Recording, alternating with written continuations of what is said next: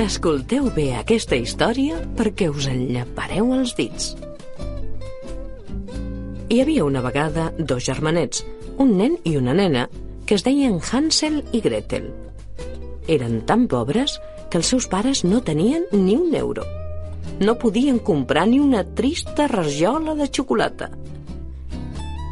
Passaven tanta fam que una nit el pare li va dir a la mare que ja n'hi havia prou de tant patiment, que no es podia quedar quiet veient com els nens es morien de gana. Així doncs, estava decidit. L'endemà, quan sortís el sol, els abandonarien al mig del bosc. En Hansel i la Gretel, que aquelles hores estaven desperts perquè la gana no els deixava dormir, van espantar-se molt en veure les intencions que tenien els seus pares. I aquella nit, cap dels dos no va poder aclocar els ulls.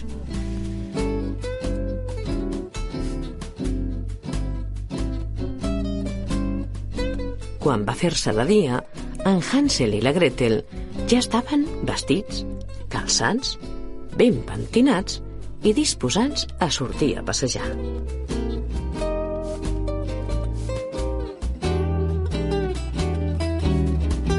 Comença la història d'en Hansel i Gretel.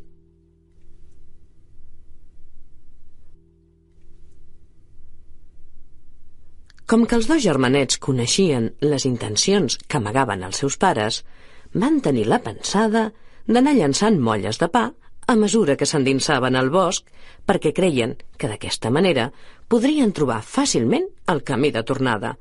Però s'enganyaven perquè quan els van abandonar, en Hansel i la Gretel ja no van trobar el rastre que havien deixat. Les molles se les havien menjat els ocells.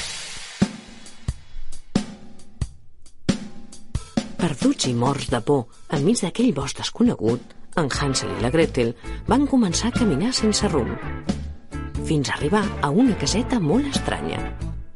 Fixeu-vos en si n'era d'estranya, que era tota de xocolata. La taulada, les parets, tota era de xocolata. I la porta i la finestra estaven decorades a manissos. Quan van descobrir que la casa era de xocolata, els nens s'hi van precipitar disposats a menjar-se-la. Se'ls feia la boca aigua. De sobte, quan estaven a punt de clavar-hi queixalada, va aparèixer una bruixa vella i molt lletja que duia una escombra a les mans.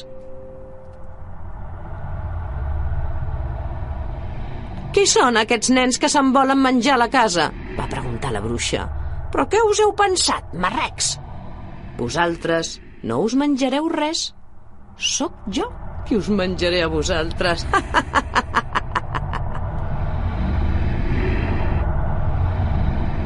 Com que la bruixa va veure que en Hansel estava tan prim que era tot ossos, va decidir tancar-lo en una gàbia per fer-lo engreixar una mica abans de tirar-lo a l'olla.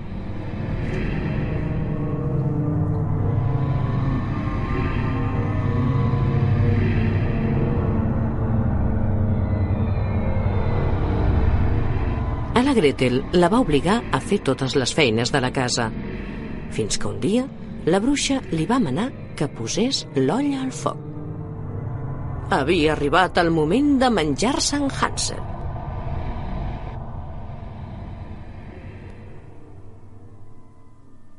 Quan estava tot preparat, en Hansel i la Gretel van aprofitar un moment de distracció de la bruixa i es van escapar.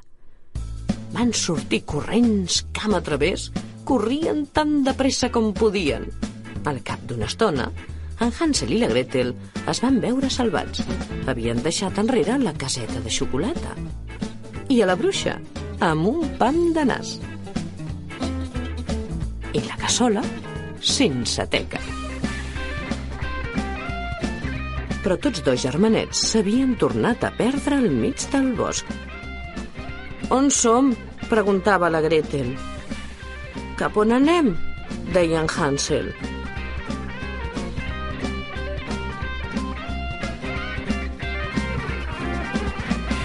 De sobte, quan semblaven més perduts, van sentir una veu llunyana que els cridava Hansel! Gretel! Quina alegria més gran! Aquella veu que sentien era la veu del pare. Perdoneu-me, fills, perdoneu-me, els deia el pare. Us prometo que no us tornarem a abandonar mai més. D'aquesta manera, en Hansel i la Gretel van tornar a casa acompanyats del pare i van viure feliços durant molt i molts anys. Així s'acaba la història d'en Hansel i la Gretel. Una història tan dolça que sembla que hagi estat escrita amb lletres de xocolata.